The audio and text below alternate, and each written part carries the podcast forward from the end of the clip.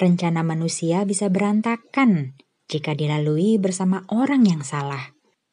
Semua hal baik yang kita lakukan sia-sia. Dita Pulinger dalam podcast sama Manda berkisah tentang kesabaran dan fokus akan rencana hidup termasuk melepaskan hubungan yang sudah terjalin bertahun-tahun.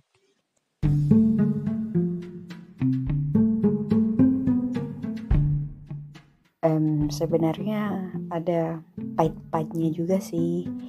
Aku tuh sebenarnya dulu pacaran sama sama Bang Bombay gitu. Tiap hari nangis mulu. Terus bodohnya aku tuh bucin jadi dia tuh manipulatif banget kalau misalnya aku nangis tuh dia makin marah terus aku jadi makin nangis gitu. Jadi kalau siapa pun yang salah ya tetap aku aja yang salah. Pokoknya menderita banget deh. Menderita juga aku dulu nggak sadar. Ulang tahun nih ya aku udah udah udah lebih dari lima tahun nih pacaran sama mantan aku. Sekalipun nggak pernah dia kasih aku apa-apa. Terus uh, waktu dia kesulitan uang aku kan uh, dapat beasiswa ya lumayan gede buat biaya hidup tapi kan aku nggak dapat dari orang tua.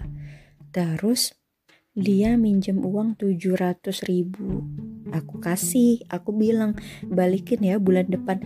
Karena aku emang nggak punya nggak punya uang itu uang buat aku makan buat bayar kosan dan lain-lain. Masya allah nggak astaga nggak dikasih bayarnya tuh bulet banget. Ke sana kemari. Hmm.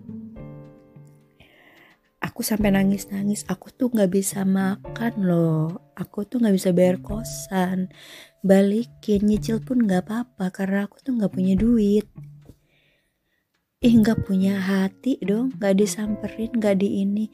Telepon direjek reject nggak diangkat. Ya udahlah aku ikhlasin aja. Akhirnya temen aku temen baik aku tuh bantuin aku makan jadi dia yang bayarin makan. Ih gila sengsara banget. Itu ya dia nggak pernah ngenalin aku ke orang tua nggak pernah belain uh, aku depan orang tuanya. Pokoknya aduh miris banget deh. Tempat kuliah aku sama dia tuh jauh banget.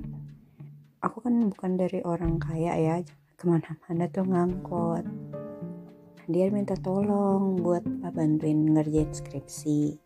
Jadi aku bantuin dia cari literatur uh, nyusun skripsinya dia kata pengantar gitu dasar teori gitu-gitu di kampus dia tuh. Aku dari kampusku naik angkot ke kampus dia itu 1 sampai 2 jam lah ya tergantung macet sama ngetemnya si angkot bahkan IPK aku sampai turun. Gara-gara sibuk banget ngerjain skripsi dia. Bayangin dong dari 3,78 anjlok jadi 3,31 aku baru sadar kalau aku tuh belum belum makan dari siang. Terus keadaannya waktu itu uh, jam 4 sore terus dia kayaknya ada rapat atau apa gitu. Terus aku ditinggal. Balik-balik bawa makanan gitu.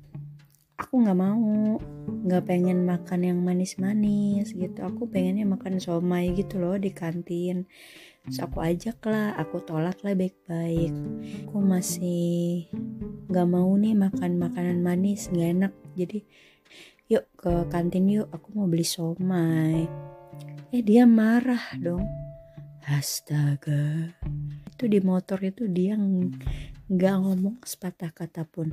Sekarang aku bingung ya kenapa sih? Itu kan terus kamu tuh nggak ngargain pemberian aku. Masya allah. Berian apa?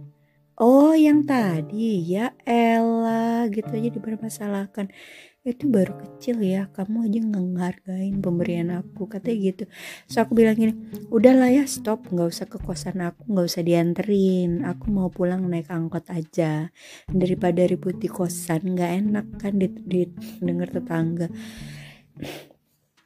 Eh dia berhentiin aku di jalan beneran dong. Kan bangke ya. Drama banget dia banting helm di pinggir jalan terus orang-orang ngeliatin kan bangsat ya? Ih oga gue lari langsung. Ah, ya Allah astagfirullah gue lari naik angkot. Astagfirullah. Pas aku ada acara konferensi internasional itu aku ketemu tuh sama bule-bule.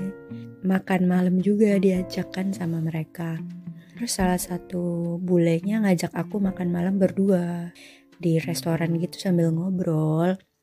Terus habis gitu ya cerita gitulah pengalaman masing-masing terus pacar masing-masing.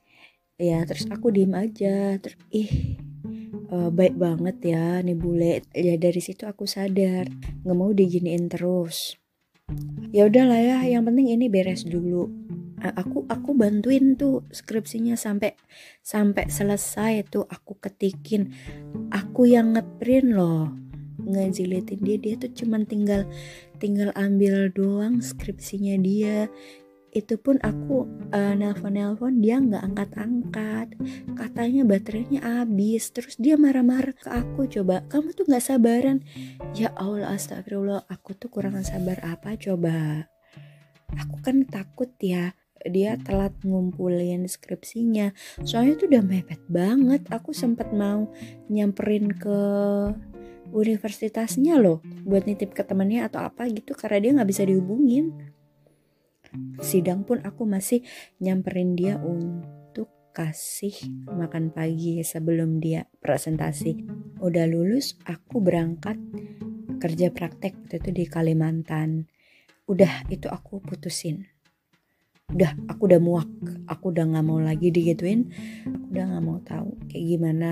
Mau ngapain aja terserah jadi sejak aku putusin dia malah yang ngejar-ngejar sampai ke rumah orang tua lah, sampai ngapa-ngapain lah. Terus mantan aku tuh nelfon-nelfon terus. Oh, woi, woi, woi, selama ini lo ke mana aja?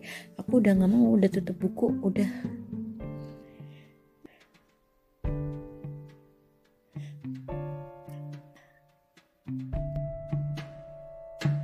Masa lalu bisa sangat menggelikan. Usahakan untuk tetap fokus menatap ke depan. Sebab hidup tidak perlu jadi korban.